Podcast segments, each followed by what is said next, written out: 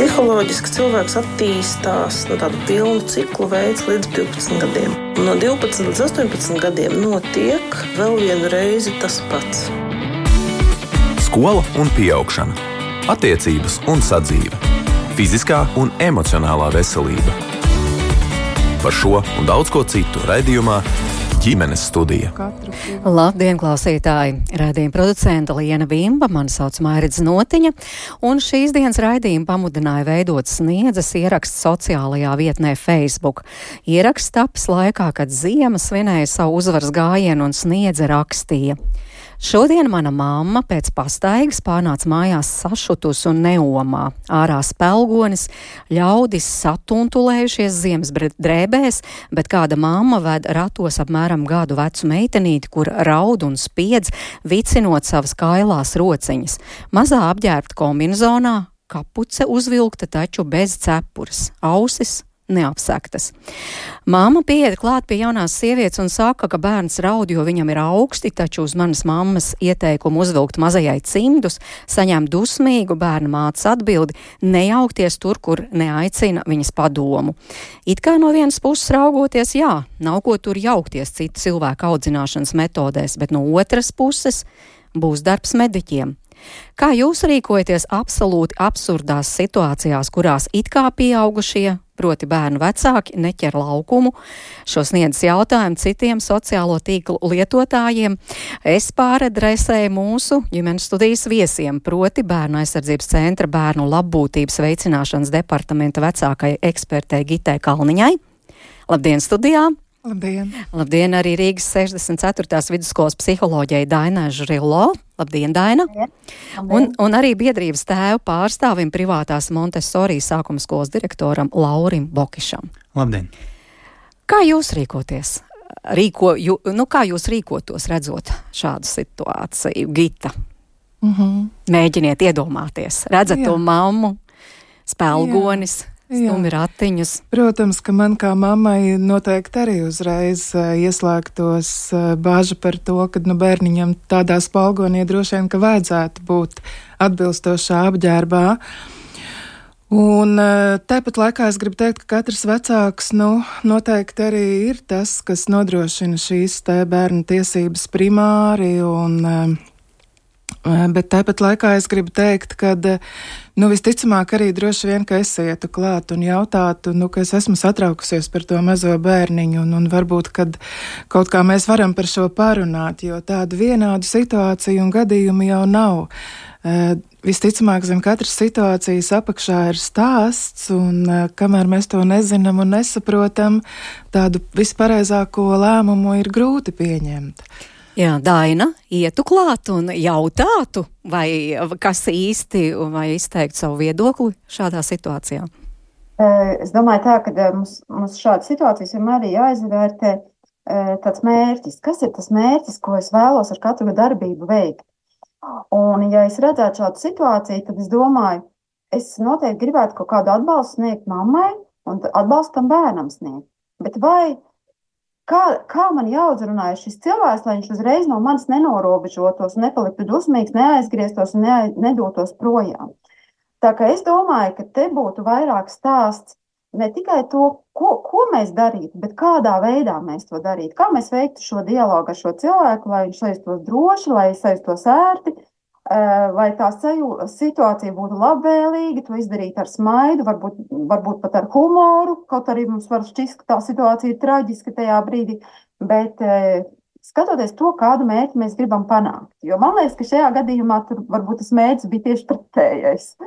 Māma norobežojās un nekā nu, labums no tā nebija. Bija sabojāta emocionāla diena gan cilvēkam, kas aizrādīja, gan arī mammai. Nu, bet Daina, nu, ko tad jūs teiktu mammai? Es varbūt viņai tā teikt, wow! Es skatos, ka jūs tā rūdaties. Man ar bērnu bija tajā vecumā. Pastāstiet, varbūt vairāk mēs varētu par to. Tas tāds interesants redzēt to kaut kā tā. Nu, es mēģinātu noteikt to ar tādu humoru un ļoti labvēlīgi, ļoti labvēlīgi. Es nekādā veidā nerādītu to, ka es gribu viņu mācīt šajā situācijā. Lauri, jums tas pats jautājums. Jā, nu es eh, laikam par visiem 200% pievienojos Dainas sacītajam, jo, jo, jo daudz svarīgāk man šķiet ir tas, kā mēs vēršamies un vai mēs mākam to darīt. Jo nu, tas, ko es esmu novērojis, ka mēs kā sabiedrība neesam ārkārtīgi iecietīga. Mēs eh, ļoti bieži saskatām problēmu, saskatām paši savu subjektīvo skatu, un tas ietekmē mūsu reakciju. Tas, manuprāt, tas, par ko Daina eh, nu pat runāja, kur mūsu nodoms varbūt ir labs, bet tā forma, izteiksme, intonācija, skaļums, balss, ķermeņa poza, izteiksme ir tā, kas ko nolasa tas cilvēks pretī. Un te būtu labi vienkārši katram no mums zināt, ka 70% īpaši šādās situācijās ir neverbālā komunikācija, ko cilvēks uztver. Ja? Un plus vēl viņš ir pats kaut kādā situācijā. Ja?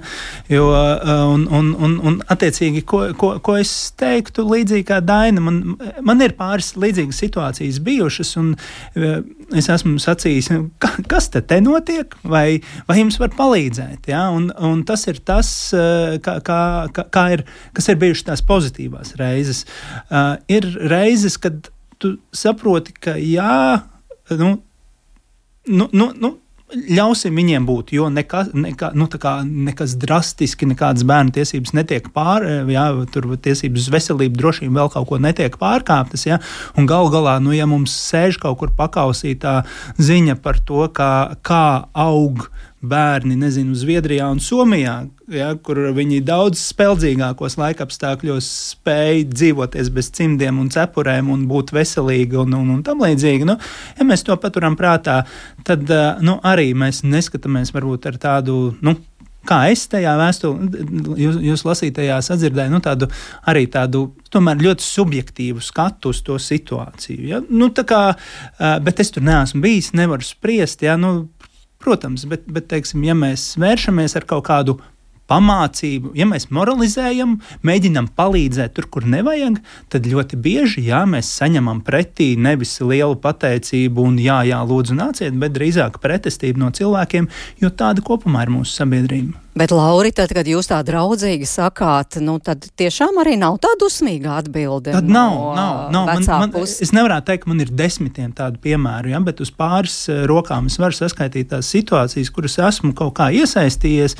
Un, eh, un viņas tiešām ir bijušas, nu, tādas, viņas ir atrisinājušās tā jauki. Un, kad pasaka paldies, un tā vienreiz mamma ķēra divgadnieku tādu, kurš skrēja uz ielas, nu, mēģināja skriet, un viņai jaka padusē un telefons rokā. Un, nu, es jūtu, ka tas bērns nu, tiešām nespēja viņu savaldīt. Es, nu, kā, nu, nu, kā es notupos priekšā tam bērniņam un, kā, un vērsos pie mammas. Kā, oh, ho, ho, ho! Nu, tā kā tāds, un viņa tā kā pateicīgi, ka es ap, apturēju to bērnu. Ja, un, uh, un, un es domāju, ka es kaut ko es toreiz teicu, kā reiz, kā, vai es varu kaut kā palīdzēt. Un viņa tā kā, jā, jā, viss, nu, kā, viss kārtībā, bet es iedevu viņai, jo viņa bija tiešām satraukusies, ka viņa nespēja ja, runāt pa telefonu, kas noteikti bija ļoti svarīgi tajā brīdī, ja tur sa, sa, saķert bērnu un ka tas cilvēks uzvelkās.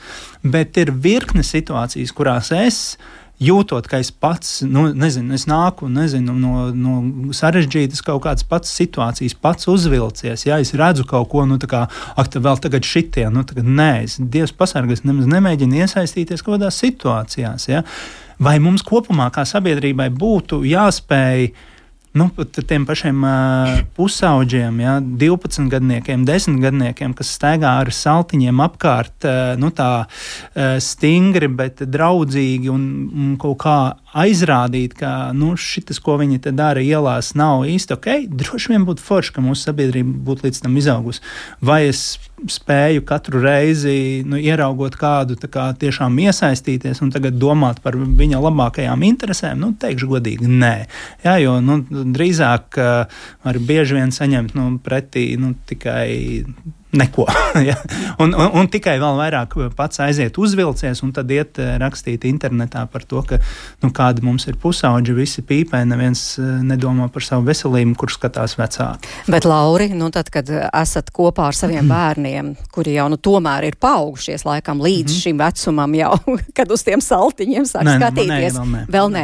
Uh, bet nu, tomēr ir bijusi kāda situācija tāda, ka jums aizrāda, nu, ka lūk, jūsējais tur ne tā uzvedas, varbūt ne tā saģērbts? Nē, man, man neatceros tādas situācijas. Manēji ir kaut kā auguši. Ar, es vienmēr esmu bijis klātesošs un apzināts tajās situācijās. Un, uh, nu, vai tās publiskas situācijas, vai tam līdzīgi, pats bijis tas, kurš aizrāda nu, viņiem vai, vai ieliek kaut kādus rāmjus, robežas, pats varbūt kādreiz ir stingrāks. Nu, tā ka citiem nav bijis jāiesaistas vai jāsaka, nu, jūs ejat gan ir mežoņi. Jā, bet eh, nu, ir dažādas situācijas. Es gribu rosināt arī mūsu klausītājus tiešām laipni aicināti mums rakstīt, gan atverot mājaslapu un rakstot ģimenes studijai, gan arī, kā jūs jau zināt, bet es tomēr atgādināšu, tātad jūsu rīcībā arī tālruņa numurs 256604440. Mums var rakstīt arī WhatsApp ziņu, uh, jo klausīsimies, piemēram, trīs bērnu mamma Dana Kručīņina. Viņa stāsta, ka laiku pa laikam tomēr piedzīvo šādas situācijas un ir gatava stāstīt par divām, kas īpaši palikušas atmiņā. Klausāmies! Mēs ar bērniem bijām veikalā. Un manam jaunākajam bērnam ir pusotrs gads, un viņam ļoti garšo mandarīnu. Un viņš nekādīgi nevarēja sagaidīt, kad mēs tā kā nopirksim visu un tā. Un tad, ko līdz mēs izgājām ārā no veikala, man blakus bija mans septiņgadīgais dēls, un pusotra gadīgais mazulis bija ratos iekšā. Es vienkārši viņam iedevu mandarīnu tās daiviņas paēst. Viņam nebija cimdi, jo viņam ir grūti viņus nu, ēst tos mandarīnus. Un ārā bija plus divi grādi. Un sanāca tāda lieta, ka tas bija tieši pēc tā lielā sala, kad bija ārā mīnus 25. Nākamajā dienā bija tas pārsteidzošais siltums. Un mēs gājām mājās, un pret mums pavērsās sieviete, ļoti labi ģērbta, ap kādiem 50.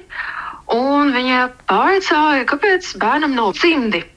Un es teicu, nu, mēs te paņēmām to mandarīnu, viņš ļoti gribēs. Un tā kā es ļoti steidzos mājā, tāpēc, ka mazais bija ļoti krēķīgs un ļoti gribēja gulēt, tad vienkārši es mēģināju kaut kā to sarunu novirzīt projām, bet kā Alžs vienmēr runāja pieklājīgi, ļoti atsaucīgi. Varbūt tas iemesls, kāpēc cilvēkiem šķiet, ka varbūt viņi var ļoti turpināt to sarunu ar mani. Un pēc tam es dzirdēju tekstu tādu, nu jā, mana meita gan labi prot saģērbt bērnu silti. Un uh, pēc tam viņa saka, Tagad jau mūsdienās neviens vairs nesaprot, kā tie bērni ir jāģērb. Tikai tad, kad mēs bijām, tad jau zināja, kā ir jāģērb. Es saku, jā, nu katra paudze ģērb savādāk un vienkārši devos uz priekšu. Ja.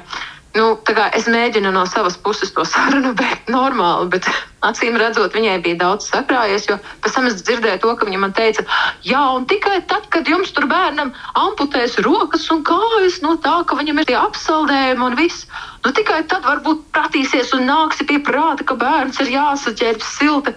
Es dzirdu to komentāru, un es domāju, ok, cilvēkam ir sasāpējies, jā, jo es zinu, ka tūlītās mēs būsim jau mājās un viss būs kārtībā.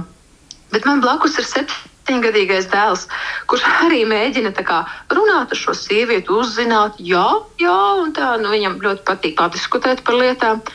Un es pat nevaru pateikt, lūdzu, beigsim sarunu, jā, vai arī pietiek. Tas ir pat traku. Jo man ir arī jārāda bērnam piemērs, ka kā, es spēju diplomātiski atrisināt kaut kādu konfliktu uz ielas, vai ne? Es nevaru sākt, varbūt, lamāties, kā daudzi citi man vienmēr iesaka. Ja tev kaut ko saka, tad tu sāc lamāties, vai ne? Bet tas īsti nu, neatbilst realitātei, ka tev blakus ir citi bērni, vai ne? Un, jā, es no vienas puses novērtēju to uztraukumu, ne, kas cilvēkam ir kad viņš redz uh, bērnu bez cimdiem vai tā, ir īpaši tāpēc, ka tikko bija tie lielie sali, jā, un varbūt cimdi ir pazaudēti. Es nezinu. Bet šī gadījumā, ja es konkrēti pasaku, ka es esmu blakus mājām, es viņai konkrēti pasaku, ka bērns ir sakrenķējis un gribēja to mandarīnu, es nezinu, kas vēl. Pirmkārt, kāpēc es esmu viņai arī parādā to skaidrojumu, lai no manas cilvēks kā saka, atšujās. nu tā. Un vēl tie teksti, es domāju, kaut kādai mammai, kura varbūt pirmo reizi mamma vai ne, Viņai tas teksts būtu vienkārši nu, traģisks. Tas ir kaut kas tāds, par ko vēl pēc tam sēdēt un pārdzīvot. Jā, manā gadījumā es vienkārši padomāju, ok, jā, un devos tālāk. Otra situācija bija tad, kad es ar visiem trim bērniem biju veikalā. Un tas bija uh, kādu gadu atpakaļ. Man bērniem bija tikai pusotrs mēnesis. Tas bija mans pirmais lielais izgājiens ar visiem trim. Un tolaik bija tā, ka man bija līdzi mans trīsgadnieks, vidējais dēls, Un tolaik uh, viņam bija seši gadi, mans vecākais dēls. Bija piekdiena, mēs dodamies iztērēt viņu to naudu. Viņiem ir 3 eiro katru piekdienu. Un uh, vidējais dēls nevarēja izlemt, ko viņš vēlās. Un pēc tam viņš sāka arī ļoti agresīvs palikt, nu, kā tajā vecumā. Bet mums ir tāds noteikums, ja sākās agresija, mēs vienkārši ejam uzreiz mājās, un tad nākamajā dienā varam mēģināt atkal. Tāda ir mūsu noteikuma, un viņi ļoti labi strādā bērniem iemācīt, ka tas nav ok. Un kamēr bērns vienkārši vēl kliedzas, nu jau bija apsēdusies viņam pretī, mēģināja vēl tobrīd tikai runāt par šo jautājumu, pienāca klāt sieviete. Un es tā, ok, es saprotu labi. Un tad nāk šis klasiskais teksts. Ja tu negribi pie mammas, tad es tevi paņemšu prom. Es tevi aizvedīšu prom pie sevis, nāksi dzīvot pie manis.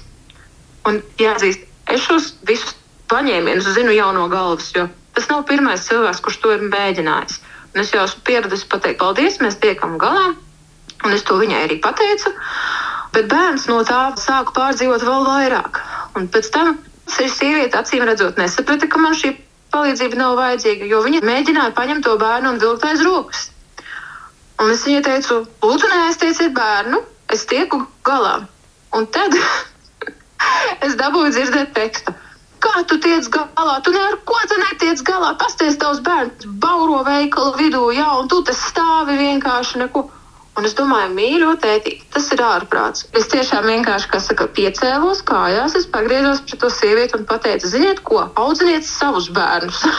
tas bija laikam pats stingrākais, kas man ienāca prātā tajā brīdī. Un tad tā arī sanāca, ka mans sešgadnieks dabūja stumt bērnu ratus. Es nešus nesu savu trīsgadnieku ārā no veikala, kamēr tā sieviete vēl fonā man kaut ko bļāva līdzi par to, ka neaudzinātie bērni un visu pārējo. Kaut arī burtiski tas, ko es tajā brīdī darīju, es šo bērnu audzināju. Es viņam mācīju, ka tāda attieksme veikalā vai arī citur nav pieņemama, un ja viņa notiek, tad mēs ejam mājās. Un pēc tam man vecākais dēls bija ļoti pārsteigts par to, ka tā sieviete var būt tik dusmīga un kāpēc viņa tik nikni ar mani runāja. Un, un tā, jo man tāpat nav viegli. Es Faktiski mēnesis pēc dzemdībām dabūnu stiept trīsgadnieku, kurš spīrājās pretī vai ne. varbūt, ja tu nevari palīdzēt, varbūt labāk tad netraucē.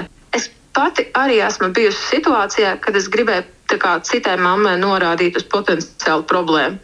Tas ir interesanti, bet tas arī bija jautājums par to, ka bērnam nebija cepura un cimdi. un ārā bija ļoti augsti. Tā pati mamma bija saģērbta tādā biezā ziemas pufoja kārta cepura ar cimdiem. Un mēs bijām pie Luksafora pārējais. Es domāju, kā man to pateikt tādā veidā, lai tas nebūtu nepatīkami. Es pateicu, atvainojiet, jums laikam mazajam nokrita cepure kaut kur. Cita kā es mēģināju atrast smalkjūtīgāko variantu, un viņa pagriezās pret mani un teica, nē, nē, viss kārtībā, nu, pie viņas ir jā, un es tā, ah, ok, labi, labi. Un pagriezos projām, sāku darīt kaut ko citu. Nu, Tas ir sarežģīts jautājums. Es saprotu, ka tas ir diskomforts visām pusēm, bet laikam tāda smalkjūtīgāka pieeja ir labāka nekā amputēt rokas. Paldies Danai Kručīņai par šo atklāto stāstu, un es atgādinu, tātad to klausījāmies kopā ar studijas viesiem Gitu Kalniņu no Bērnu aizsardzības centra, Dainu Žurillo, psiholoģu no Rīgas 64. vidusskolas, un arī Lauri Bokišu, kas ir gan biedrības tēva pārstāvis, gan arī privātās Montesori sākumskolas direktors, un uh, divi tādi momenti, kas man iedūrās, ja es drīkst tā teikt, ausīs klausoties uh, Danu stāstu, nu viens, ka ka tiešām nav tikai aizrādījums, kā šajā pirmajā situācijā sieviete turpina un turpina un turpina skaidri redzot, ka mamma paskaidro un grib doties prom, un, un otrs, ka pat ne tikai aizrāda, bet vēl saķera bērnu aiz rokas. Lauri, kas ir tas, kas šķita nepieņemami? Man šķiet, uh Dana ļoti labi izstāstīja situāciju. Nu, tā, Pie, pietiekami augstasinīgi, ņemot vērā, ka viņi tajā situācijā bija iekšā, pietiekami kritiski ar tādu nu, pārdomām par to dažādajiem scenārijiem un to pieredzi, ko tas ienes. Un, manuprāt, šie stāsti tikai sasaucas ar to, ko es jau sākumā teicu, ka tā mūsu sabiedrība nu, nemāk to kā Mēs neesam kā mums būtu uh, jāiet, uh, ieskaitot mani. un nu, mums visiem droši vien, kas studijā sēžam, jāiet uz regulārām uh, kursiem vai, vai, vai, vai, vai tādu uh, prasmju at, atsvaidzināšanu, kā cieņpilni komunicēt ar līdzcilvēkiem. Ja? Jo tas, kas izskanēja šajos abos divos stāstos ir tieši tas, kā ir audzināta arī mana paudze, vēl, un varbūt vēl kāds pirms, pēc manis un pirms manis. Pilnīgi kauns, vaina un biedēšana ir bijuši labākie audzināšanas instrumenti. Un tie darbojas visdažādākajos veidos un nāk ārā paradoxālā veidā arī tajās situācijās, kur cilvēki it kā grib palīdzēt, bet tas, līdz kam viņi noved to situāciju, ka viņi kaunina, vaino un biedē. Un turklāt pārnes šo pieredzi jau uz to paudzi uh, uh, bērnu kuru vecāki ļoti apzināti izvēlas citas audzināšanas metodas. Kā nu, Danas stāstā. Jā, bet vai vecākiem vispār ir jāiesaistās, ir jāatbild pieklājīgi, ir jāskaidro, ja tomēr šis ir nevis tāds draudzīgs aizrādījums, bet diezgan tāds pat agresīvs uzbrukums? Nu, Dana arī to, manuprāt, ļoti precīzi teica. Es domāju, Uh, nu, vai pārfrāzējot precīzāk, viņa domā, ko redz, ko dzird vērotājs, un vērotājs ir bērns. Un viņa modelē attiecības tādas, kā viņa, kā mamma, grib parādīt saviem bērniem, jo atcirst, pateikt, tinies, atšojies, liec mierā, protams, ka ir vieglāk.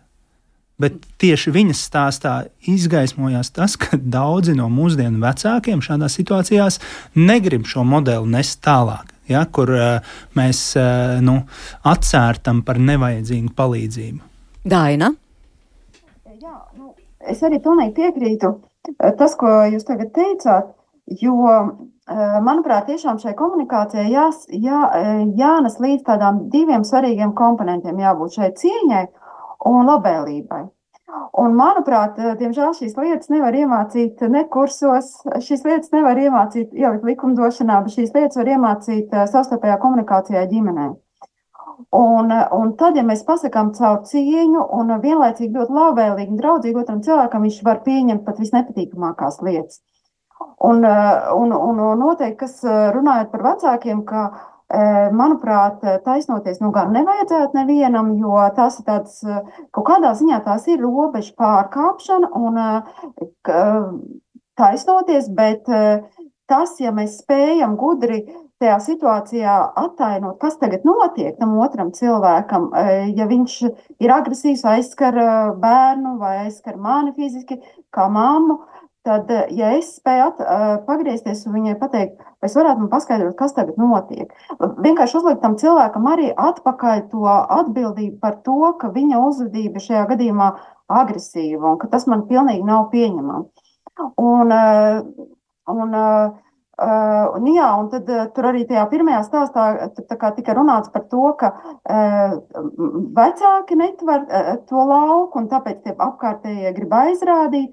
Es gribu norādīt, ka ļoti bieži, un arī šajos stāstos, viss, vis, kas tagad izskanēja, kad lauku jau netver tie apkārtējie cilvēki. Viņi ierauga to vienu puzlīti no tā kopējā gabala, ja, un viņi nezina to iepriekšējo stāstu par tiem mandarīniem, par to bērnu emocionālo stāstu, par to māmiņas, eh, visu to notikumu, kas tur ir bijis. Ja. Un vēl ir daudz tādu stāstu par uh, nopietnām bērnu diagnozēm, kas ir uh, mūsdienās, un paldies Dievam, vecāki šos bērnus netur savās četrās sienās vai kaut kādās instancēs, bet viņi vēdi uz ielas, un, un šiem bērniem ir iespēja socializēties un būt sabiedrībā. Un, un uh, tiešām tādi vecāku gadu gājumu cilvēki, viņi varbūt pat nenojauši par tik ļoti nopietnām diagnozēm, par dažādiem neirotiskiem traucējumiem, kuri var ārēji izskatīties kā kaut kādi neaudzinātība, izlaistība, vecāku kaut kāda neprasme un, un visatļautība. Ja? Un, un tieši tāpat arī par to pašu apģērbu. Ja?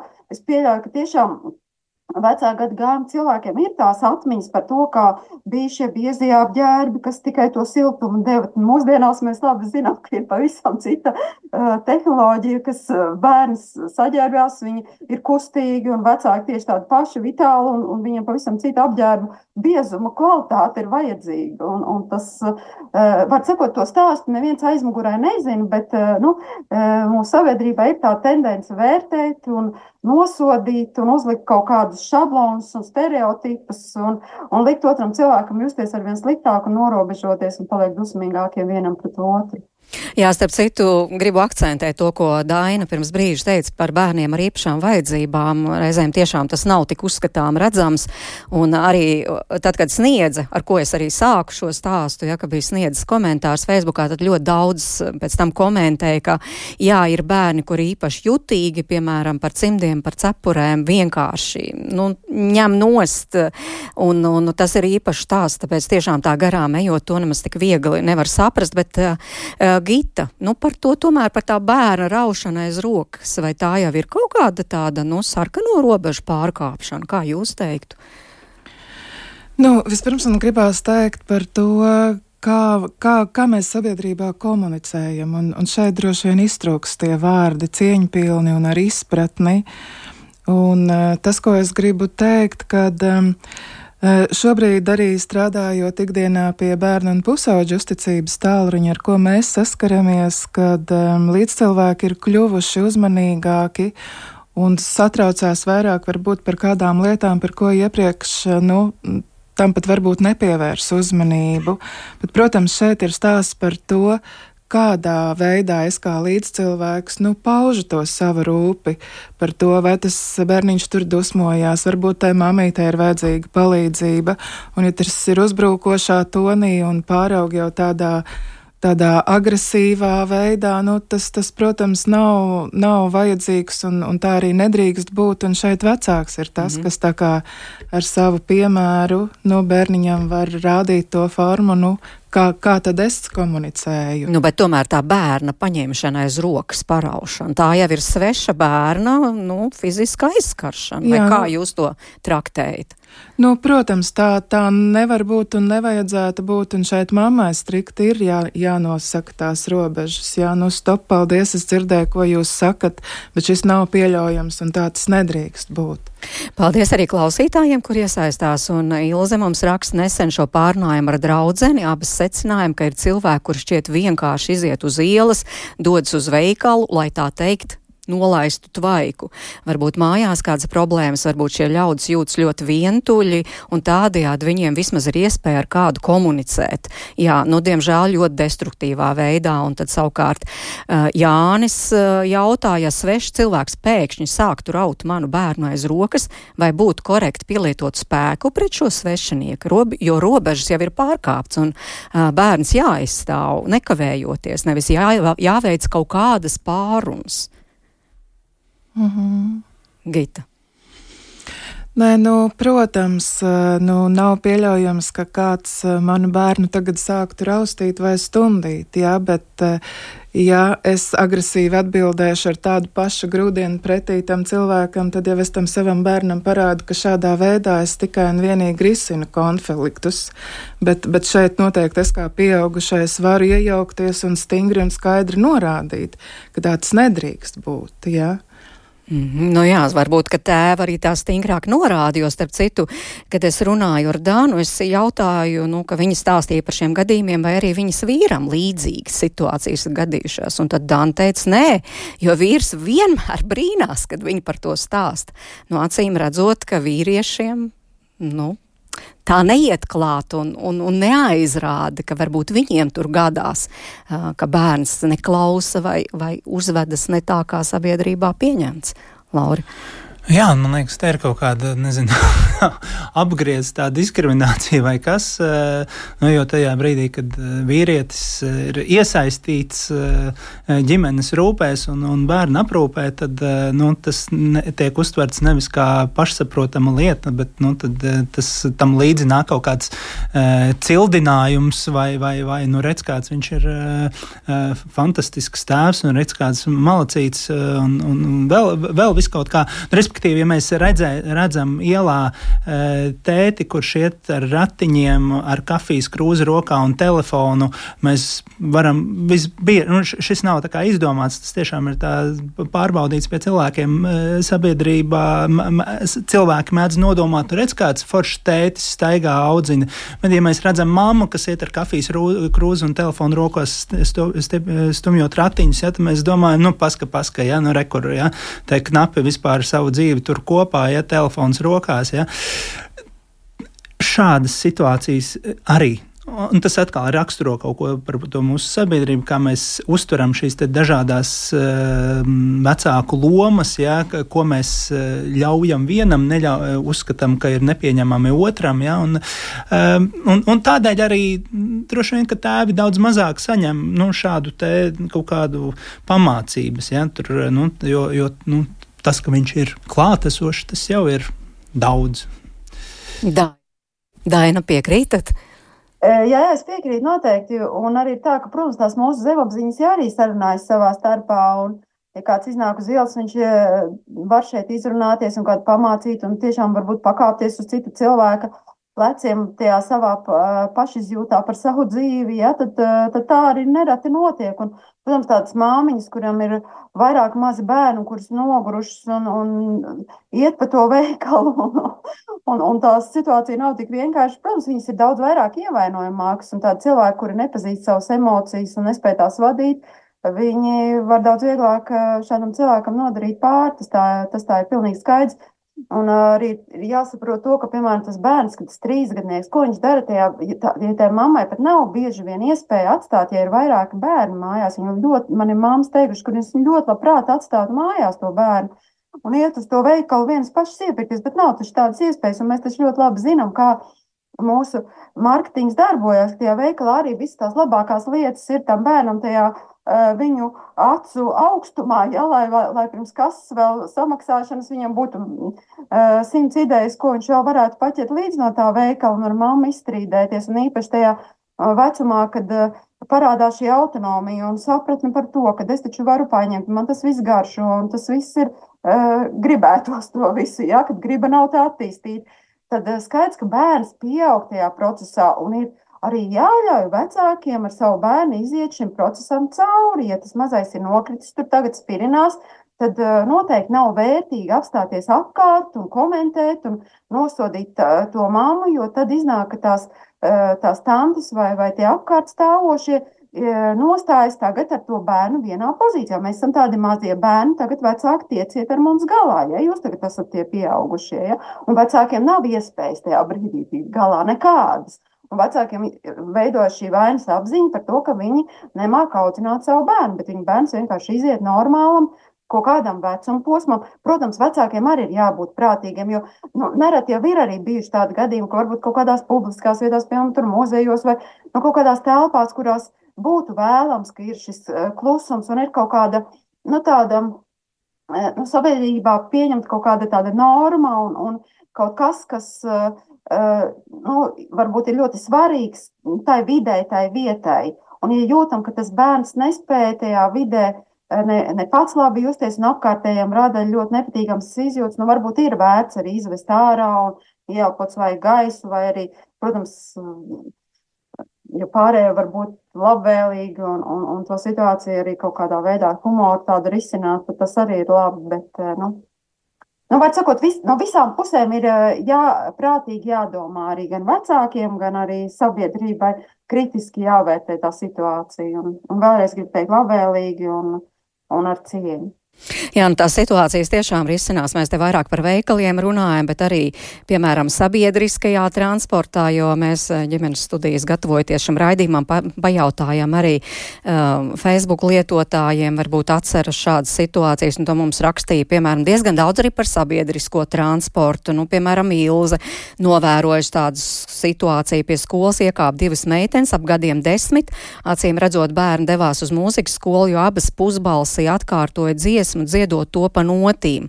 Acīm redzot, dziesma bija ar kādu āķi, jo atkārtoja vairāk kārt vienu otru pielabojot, un tad pie meitenēm pienāca kāda kundze un pateica, ka abas nav audzināts, jo trokšņo sabiedriskā vietā, un lai taču beidzot aizveras. Vai arī tā kā otra situācija, Silva savukārt raksta agrā rītā elektriskajā vilcienā uz dārziņu, kurš tālu, jo auģumātē tur blakus darbs patālu no Rīgas, uh, braucot aizmigušu bērnu centā centās piecelt kājās un piespies dot vietu tantei, lai gan pilns vagons vīriešu sēdē, bet kājās jāceļ sešgadīga aizmigus meitenīte.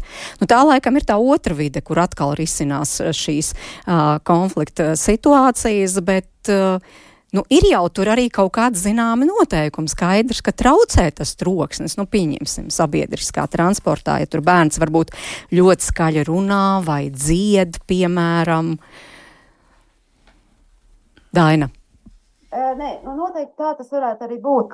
Un, um, un vecākām, protams, arī ir uh, iespēja robežās jāmāca tādas arī bērnam šīs uh, uh, cieņpilno attieksmi pret pārējiem. Mēs varam tagad pārslēgt un pārslēgt, kas ir jādara. Ja bērns ir tāds ļoti nogurs un, un vecāki jūt, ka nu, viņam tās emocijas tagad jau nāk ārā ļoti spēcīgi, un viņš nemāk citādāk izrādīt, ir jā, nevis tagad, tagad jārisina tieši tā konkrētā situācija, nedari tā, vai dari kaut kā citādāk, jo tad tā situācija vēl vairāk eskalēsies. Bet ir jāpārslēdz, emocijas ir jāpārslēdz, ir jāskatās, paskatāmies, ko mēs varam ārā aiz logu ieraudzīt. Kurš pirmais saskaitīs, nezinu, piecus, kaut kādus piecas egles atradīs vai, vai tauriņus lidojošas garā vai, vai kaut kādas lietas. Nu, ir, jāmāca bērnam koncentrēt uzmanību, jāmāca, protams, arī šo gribu, bet uh, bieži vien šādās situācijās tā ļoti fokusēties un norādīt, ka tas nav pareizi, kā tu tagad uzvedies. Tas gan uh, tas bieži vien nestrādā. Tas liek tam, tieši tam bērnam to situāciju varbūt vairāk eskalēt. Nu jā, un droši vien jāņem vērā arī bērna vecums. Jā. kurā vecumā tas darbojas, lai arī vecāki varbūt cenšas un mācās, bet kurā vecumā darbojas un kurā ne.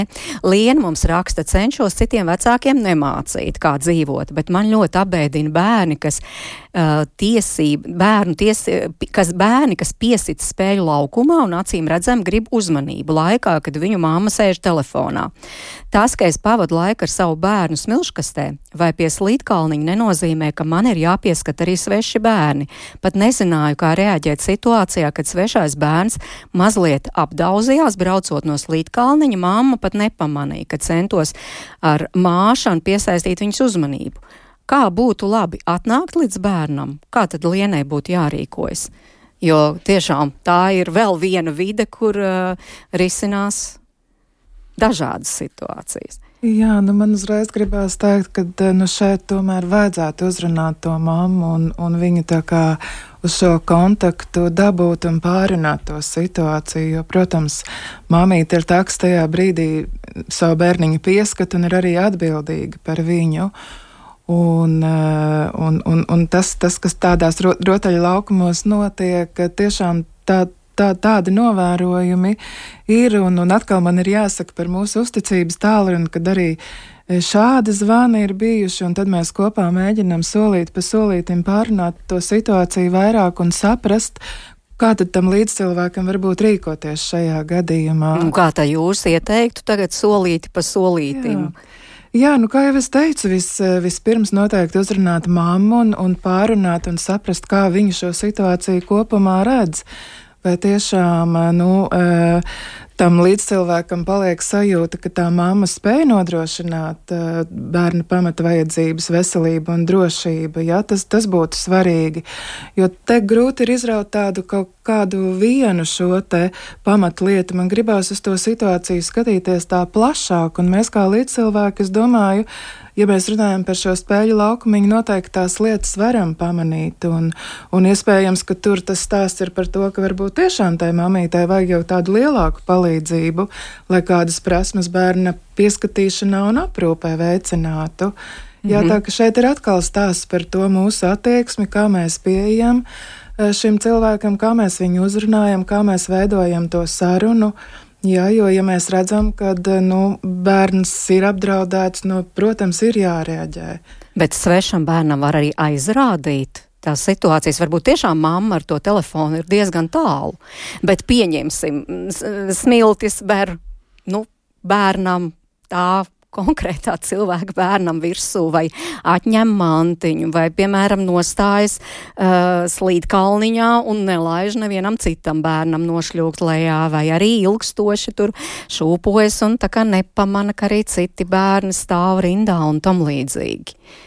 Vai arī tam bērnam Es, es nezinu, aizrādīt. Kā ir, es, es godīgi saku, es nezinu, kā ir pareizi, nepareizi. Es atceros sevi tajā laikā, kad mums spēļu laukuma bija aktu, aktualitāte pietiekami, un es tur daudz laika pavadīju kopā ar bērniem. Nu, tad, uh, Ja bija situācija tieši tā, ja, ja mantiņas lido pāri konstrukcijām vai pāri smilškastei, ja, tad nu, es nu, pa gabalu, ja tam bērnam vienmēr centos pateikt, stop, ja? nu, nedara. Ja? Nu, respektīvi, tas pats, ko es vēlētos, lai mani bērni spēj modelēt atkal, jau kā mēs iepriekš runājām, tādās situācijās, ja? nu, ka, ka, ka, ka ar mērķi, ka nākotnē arī mans bērns spēj pats atrisināt šādas situācijas, ja kāds viņam ņem nost vai met vai spēr, ka, ka viņš spēja pateikt stop. Ja.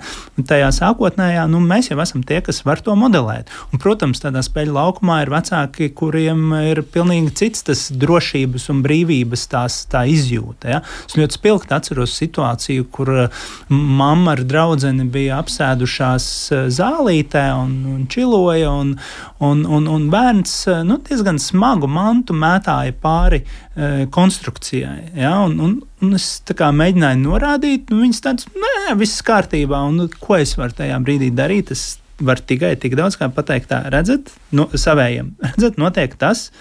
Bērns mētā, viņš neapstājas. Lūdzu, izvēlieties citu vietu. Ja? Nu, tātad, ja vecāks neredz, ja vecāks neredz tajā problēmu, ka bērns mētā kaut ko smagu pa spēļu laukumu ja, un, uh, un neiesaistas, nu, tad uh, es nodarbojos ar savu pasargāšanu. Ja. Uh, vai, ja, es, es, atceru, es aizrādīju ar tam bērnam no sākuma, tad es centos mam, mammai informēt viņu, viņa izrāda, neizrāda interesi, nu, tad es parūpējos par savējo drošību tajā brīdī. Uh, bet uh, ir bijušas situācijas, kur bērns savainojas tajā spēļu laukumā, un tad uh, es atceros, ka es esmu teicis saviem vecākajiem, nu tad uh, aizskrien rekur pie mammas, pasaki, ka tur noticis kaut kas bērniņam, ja un es tajā brīdī palieku ja, pie, pie bērna, ja, lai viņš tur nezinu, nekustas vai kaut ko, ja viņš raud. Ja. Bet ļoti ievērojot nu, tās veselīgās robežas, ja nesākot to bērnu kaut kur vest, ja tur vienkārši esot viņam klāt, palīdzot viņam varbūt nomierināties, sagaidīt vecāku. Nu, man liekas, ka tā ir tāda, nu, tāda vispār cilvēciska norma, nu, kaut, kaut kāds tas mans radars, pie kā es esmu kā vecāks turējies. Jā, un vecākiem, protams, ir dažādas pieredzes. Piemēram, Mārtiņš raksta, man ir bijušas situācijas, kad svešinieku iesaistīšanās bērnu histērijas brīdī tieši palīdzēja bērnam nomierināties. Niķu brīdī bērns bieži man nerespektē, bet, piemēram, kad veikala apsargs uzrunā manu bērnu, uzreiz niķi pāriet un sīkais vismaz beidz vārtīties pa grīdu. Ja? Tā kā Lūk, tā arī, bet es skatos pulkstenī, un laiks ir nepielūdzams, un es tomēr gribu arī mazliet parunāt par tām situācijām, bet kad tomēr nu, nedrīkst nereaģēt. Nedrīkst to galvu pagriezt uz otru pusi un nedrīkst izlikties, ka šito es neredzu. Un šo jautājumu mēs uzdevām arī savukārt Instagram lietotājiem. Un, un tur tās atbildes bija tādas, nu, nedrīkst nereaģēties skar kāda veselību, dzīvību, ja apdraud pašu bērnu, ir jebkāda veida vardarbība pret bērnu, ja aizskar bērnu, grū, grūsta, arī smēķēšana bērnu klātbūtnē nav pieļaujama ja vecāks emocionāli aizskar bērnu.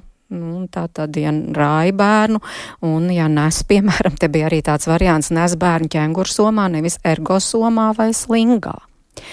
Kuras, jūsuprāt, ir tās situācijas, kad tiešām, nu, nedrīkst? Daina.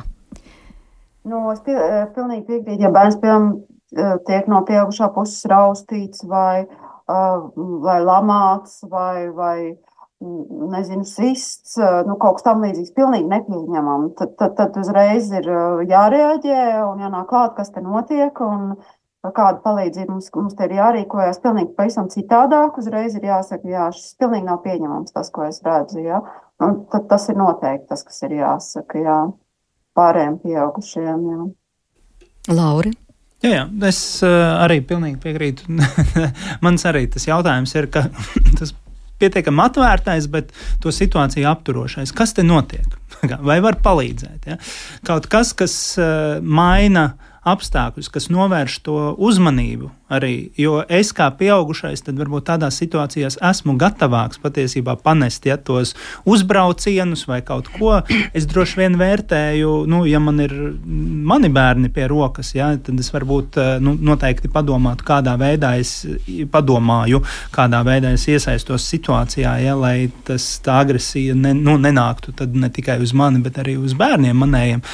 Bet, uh, Bet jā, šis tāds neitrālais, kas te notiek, lai pārtrauktu to situāciju. Un, un nevienmēr tev ir jā, jā, jālec kā kaut kādam supervaronim pa vidu un, un jāvicinās ar rokām un kājām, lai pārtrauktu situāciju. Jo tas jau ir galvenais tajā brīdī, kad notiek kaut kāda veida vardarbība, to pārtraukt un tad jau skatīties, kādi ir labākie iespējamie risinājumi dotajos apstākļos.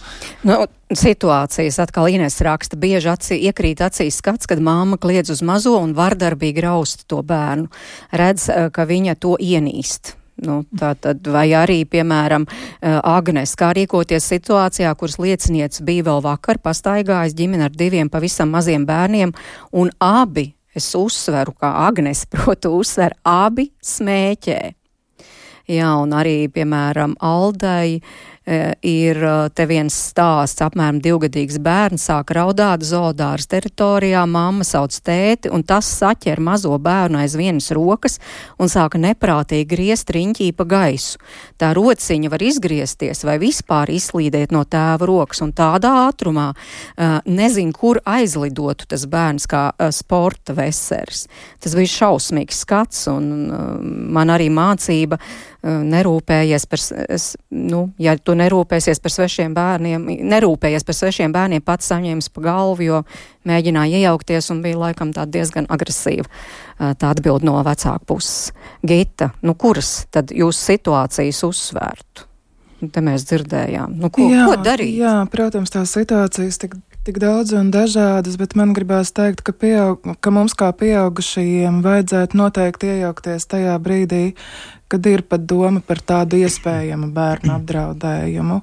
Jā, mēs, mēs šobrīd, ja redzam, manuprāt, ka mēs jau esam izauguši sabiedrībā arī tik tālu, ja mēs redzam vienu bērnu uz ielas, mēs viņam pieiesim klāt un pajautāsim, hei, kur, kur ir tavi vecāki, jā, bet mums noteikti kā sabiedrībai vēl ir ko mācīties, nu, tādās attiecībās un cieņpilnā attieksmē, Un, un ja ir šāds gadījums par šo zoodārzu, nu, tas, tas nav pieņemami un tā nevarētu būt. Un šeit ir jāuzrunā tie vecāki un, un, un, un, un jāpajautā, vai nu, vai nu tiešām tā ir tāda jūsu norma, vai, vai tomēr varbūt ka kaut kā nu, e, var, var savādāk. Jā, nu, nu šis ir stāsts par to. Nu, bet vai visos gadījumos tiešām ar to uzrunāšanu pietiek, vai ir arī situācijas, kad, piemēram, policija jāsauc? Jā, protams, protams, ir arī, no, nu, man negribās teikt, ka tādām, ka tādas ir un tādām vajag būt, bet šādas situācijas noteikti var būt, ja, kad ir jāiesaist, jāiesaista gan tā pati policija,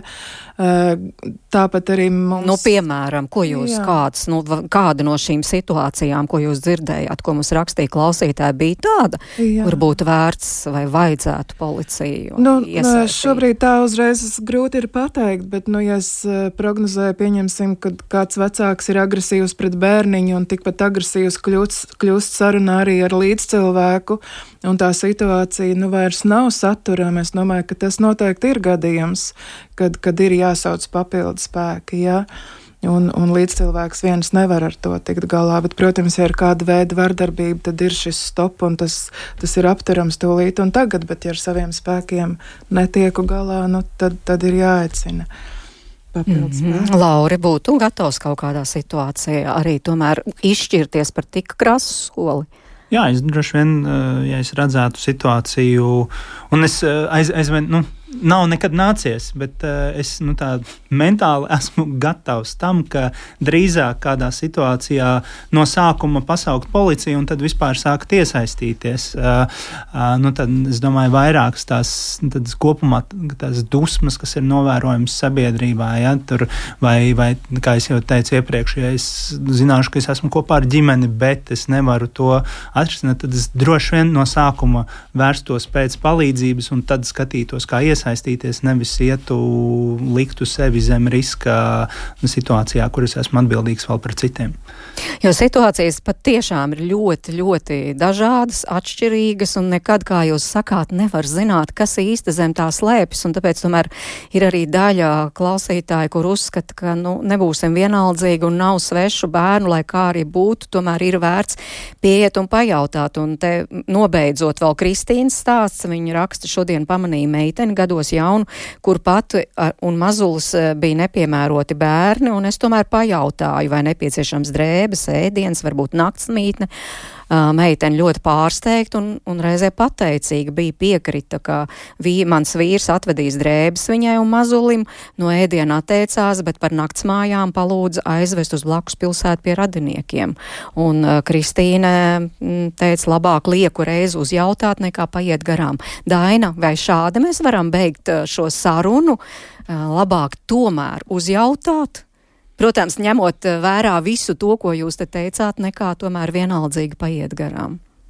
Jā, ar smaidu, labvēlību, cieņu noteikti uzjautāt un eh, nu, būt ieinteresētiem. Tas ir viennozīmīgs skaidrs, jo no otras puses jau mūsu sabiedrība kļūst ļoti vienaldzīga eh, pret ļoti daudz dažādiem notikumiem, kas, kas jau mūs ir pārsātinājuši bieži vien, un tas arī ir traģiski, ja mēs viens pret otru kļūstam vienaldzīgi, bet uh, Bet eh, nu, noteikti atceramies, kādu mērķi mēs ejam klāt.